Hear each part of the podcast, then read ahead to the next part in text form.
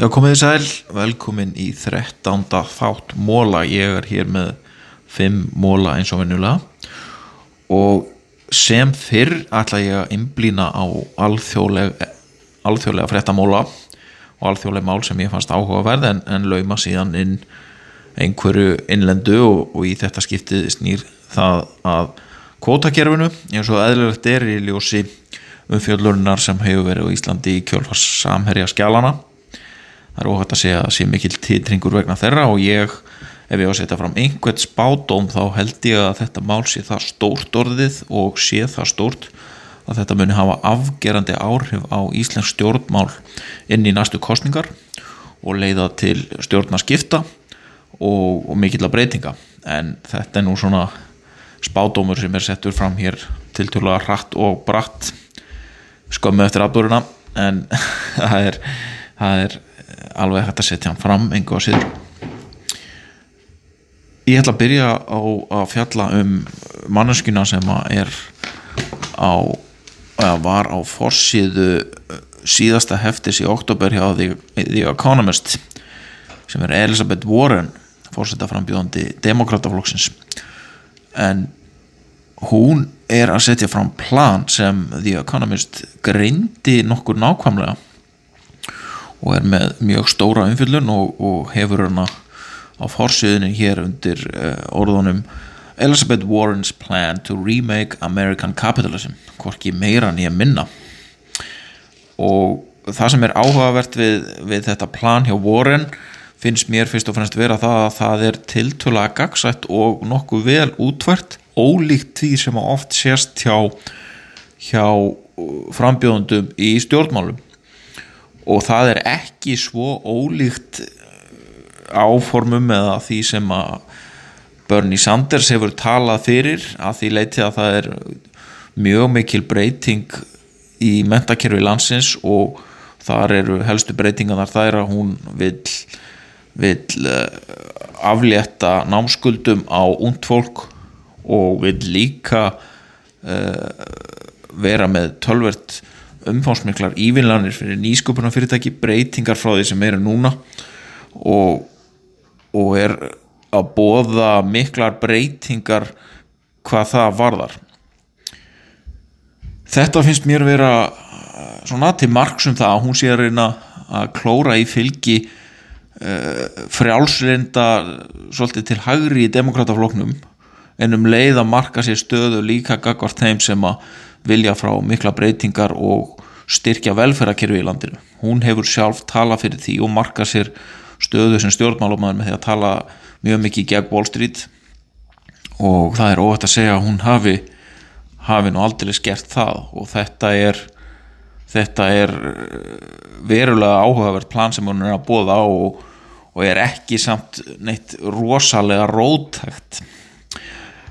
að því leiti að, að sko þetta er ekki, Bernie Sanders er svona frekar róttakari en, en hún, hún, er, hún er svona frekar frjálslind og hagri sinnaði demokrati að mölgur leiti, hún er margar smanneskja og talar opinskátt um það, hún, hún er með plan sem að ég held að geti geti höfða til margar kjósenda sem eru svolítið ekki alveg vissin hvað þeir vilja gera en vilja kannski ekki hoppa á vagn sem eru á rótækur þannig að þetta er allavega þannig að The Economist sem er nú svona frekar frjálslind myndi ég segja talar nokkuð vel um þetta plan en hefur samt áhyggjur að því að það sé verið að gera mikla breytingar. Það er nú kannski það jákvæmt eða ætti að vera svona mæla frekar með planinu en hitt en við skulum sjá Mólið 2 hjá mér í þetta skiptið er eitthvað sem ég kalla nú bara kvóta þakkið en það var áhugavert að tveimu dögum eftir, eftir mikla eftir umfjöldum kast, eða hérna kveiks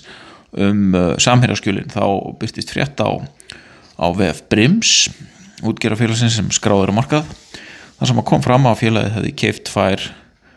útgerðir í hafnafyrði fyrir þrjá miljara og hafið með því brotið kvótaþakkið 12% kvótaþakkið sem er samkvæmt lögum og hafi nú 6 mánuði til að koma sér undir það aftur. En með þessu heldur brím áfram að stekka en félagi hefur stekka gríðala mikið að undarförnu og er markasverið þess nú 30% hærra en það var fyrir árið síðan og nefnir um 77 miljórum króna. Guðmundur Kristjánsson hefur sem fórstjóri látið verkinn tala svo ekki sínum meira sagt og það hefur verið mjög umdelt meðal annars á lífurusjónum þetta þeir lífurusjónum gildi hafið miklar ágjörði að hann væri að, væri að vaða áfram uh, og taka sína hagsmunni fram meður aðra og, og var ekki tilbúin að vera áfram í hluthöfahópsins uh, lífurusjónum gildi og seldi sína hluti. En það sem að mér fannst áhugavert í þessu er í raun kvóta þakkið þetta hugtak sko það er ekki það er kvóta þakk og þá þetta kvotaþak er hugsað í grunninn þannig að það uh, fyrirtækin geti orðið á stór þannig að kvotin dreifist á mörg fyrirtæki. En hins vegar e, hafa fyrirtækin verið að stækka mjög mikið og í rauninni verið að þrýsta á um að kvotaþakki sé hækkað. Um það snýst nú snúast þessi síðustu viðskipti. Félögin eru líka með tengda aðila sem hafa ekki verið skilgrendir sem tengdir aðila alveg við Íslendingar höfum nú smá reynsla því að, að hérna, huga að tengdum aðlum þegar það kemur á böngum en það er spurning hvernig að gera þetta gagvart útgerðinni. Og ég ætla að spá því að umræðanum kvótaþakkið verði mjög mjög hávær næsta árið ekki síst eftir þetta eftir umfyllunum samherjaskjölin. Og það verði spurt að því hvort að fyrirtæki séu stór hvort þið séu stór fyrir Ísland hvort þið séu eh, bara já, hvort séu hvort það sé aðskilt að hafa kvotað ekki neðar og ofar. Þannig að þetta er allavega áhugavert. Brim hefur hérna 6 mánuði til þess að koma sér undir kvotað þriðjimólin er eh, umfjöldin sem er einmitt líka úr The Economist reytinum sem fjallaðum Elizabeth Warren. Það er hann uh, snýrað Kristín Legard sem er bankastjóri í Sælabanka Evrópu en það kemur fram í The Economist í Ítali umfjöldunum það margir þýskir stjórnmálamenn óttist Legard sem Sælabankastjóra því að hún hefur talað fyrir því að bankin þurfa að taka eh, til, til meiri hagsmuna en hann hefur gert nú þegar. Hann, hún hefur eh, verið að gaggrina gaggrina stefnu banka svolítið og þetta er áhugavert að því að margir hafa sagt að þjóðverðar hafi svolítið stjórn á ferðinni hjá Sæðlabanka Európu en Legard er þraut reynd frá allþjóða gældirisónum og, og fórustu hlutverkum í ára tugi franskum stjórnmálum, allþjóðastjórnmálum líka. Og hún er sögð í þessari umfjöllun ætla sér að reyna að búa til stefnu sem nær betur til ríkja sem ekki hafa notið nægilega mikið góðsaf góðsaf þessari stefnu og er þar meðal átti Suður-Európuríkin og, og jafnvel önnur ríki þetta er sagt valda titringi bak við tjöldin í Þískalandi hérna í, í þessu síðasta oktober hefti The Economist. Mér varst þetta mjög áhugaveru punktur. Það er, það er hérna alltaf þannig að það er, það er alltaf einhverstað titringur í stjórnmálum og stundum eru í þessum uh, heimspolítikinu oft erfitt að greina hva, um hvað er rætt og, og, og hvernig, hvernig spilin snúast. En þarna er greinlega einhver svona ágreiningur og valda bara átt að baka tjöldin sem að því að konunst gerir allavega umtalsefni. Mjög áhugavert mál. Fjórðimólin er eitthvað sem ég skrifaði hérna niður sem norrænt peningafætti ekki síst í ljósi umfjöldunar í samherjaskjölunum það sem að uh, stundin fjallaði meðal annars um uh, grunnsendir um peningafætti hjá samherja uh, það sem að norski bankin DNB sem að ríki, norska ríkið á rúmlega þrýðans hluti uh, kemur við sögum og þetta er áhugavert og er eh, hafinn nú þegar rannsókn og aðtugun á málunum hjá bankanum og þetta er eitt af því sem er verið að skoða í þessari starfsemi samherja. Það sem er áhugavert við þetta er það að þetta er enn eitt dæmið sem að kemur upp hjá stóru bankunum á Norðurlundan fyrir snýrað peningafætti en uh, segja má að það sé eitt stærsta fréttamál sem komiður upp á Norðurlundum undanfjöndum áratugum sé peningafættið sem komst upp engum hjá Danske Bank en líka hjá fleiri böngum sem voru með starfsemi í Östur-Európu ekki síst uh, í Lettlandi og Litáin og Íslandi og fleiri löndum þar sem að rúsneska mafjan og, og, og fleiri sem voru að þetta peninga áttu auðvelt með að gera það í gegnum, gegnum starfsemi þessar Norrænu banka og þetta kvekti ekki viðuruna bjöllur nægilega hátt til þess að eitthvað veri gert í því fyrir en allt og allt og sænt og jafnvel eftir að búið var að nota bankana með þessum hætti sem er mjög aðtíkilsvert mér finnst þetta að vera vekja, ætti ætti að vekja spurningar á Íslandi. Eitt af því sem ætti spyrja sig að er það hvað hva gerðist á Íslandi sem var að gerast á Norrlandunum eftir, til dæmis eftir þrengingarnar á fjármálumörkuðum þá kom mikið af óhreinum fjármunum inn í þessa norrannu banka þar sem að bankar voru í miklu panikki að leita sér að lausa fjö og fjö og svo verið sem að óhreint fjö hafi átt auðvöldra með að komast inn í bankakjörfið þetta, um þetta hefur verið skrifað tölvert meðal annars á hjá Júnadokk sem er eh, stofnum saminuð þó sem best skipilöfu glæpum að, að glæpa samtök og, og líka bara óhreint fyrir almennt hafi ótt auðvelt með að komast í svona reyna umferð hjá böngum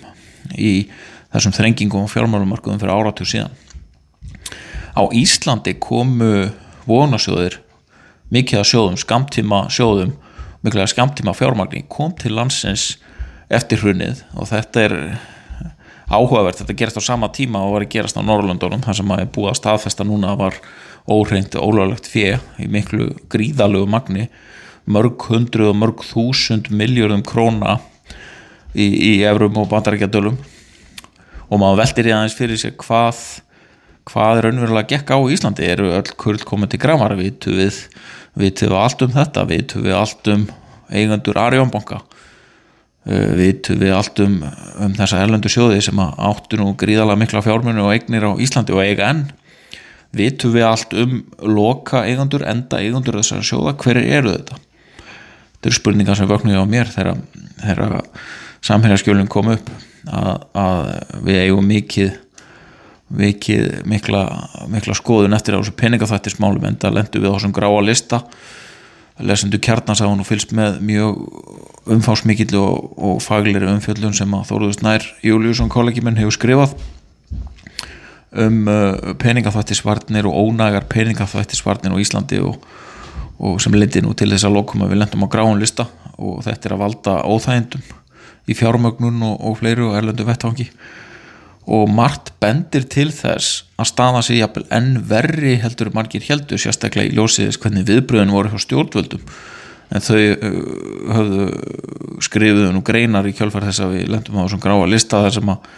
öllu var neitað og, og, og svo framvegis og framvegis. En, en uh, við ættum ekki skilið að vera þar og svo framvegis. En svo kemur í ljósa við eigum það bara algjörlega skilið. Og, þetta er stórt mál sem að verður sem verður örglega fyrirfæra mikið á næstunni. Og síðasti mólin hann snýr nú að erlendi fjármagnun og erlendu fjármálamörkuðum og hvernig staðan er í Japan. Japan er að reyna að ebla hjá sér hagkjörfi þeir eru ótrúlega staða þar en Japunum er að fækka um 200-300.000 á ári og þar er aldursamsending þjóðarinnar verulega íþingjandi og fyrir velferðarkerfi og lífyrirsjóðakerfið, heilbyrðiskerfið og þeir hafa verið að reyna að ebla hjá sér erlenda fjárhástingu og atvinnu þáttöku hvenna meðal hans en eru greinlega líka svolítið hrættir við að, að missa nú ekki tökin og hafa verið að setja hömlur á það hversu mikið erlend fjármann getur komið inn hlutabröðamarkaði fjárfestingar. Og þetta er talið vera, vera mikið hættu spil hjá japansku stjórnvöldur sem þurfa sárlega á miklum fjármennum að halda. E, meira var það ekki í mólum að þessu sinni. Ég verð hér aftur eftir viku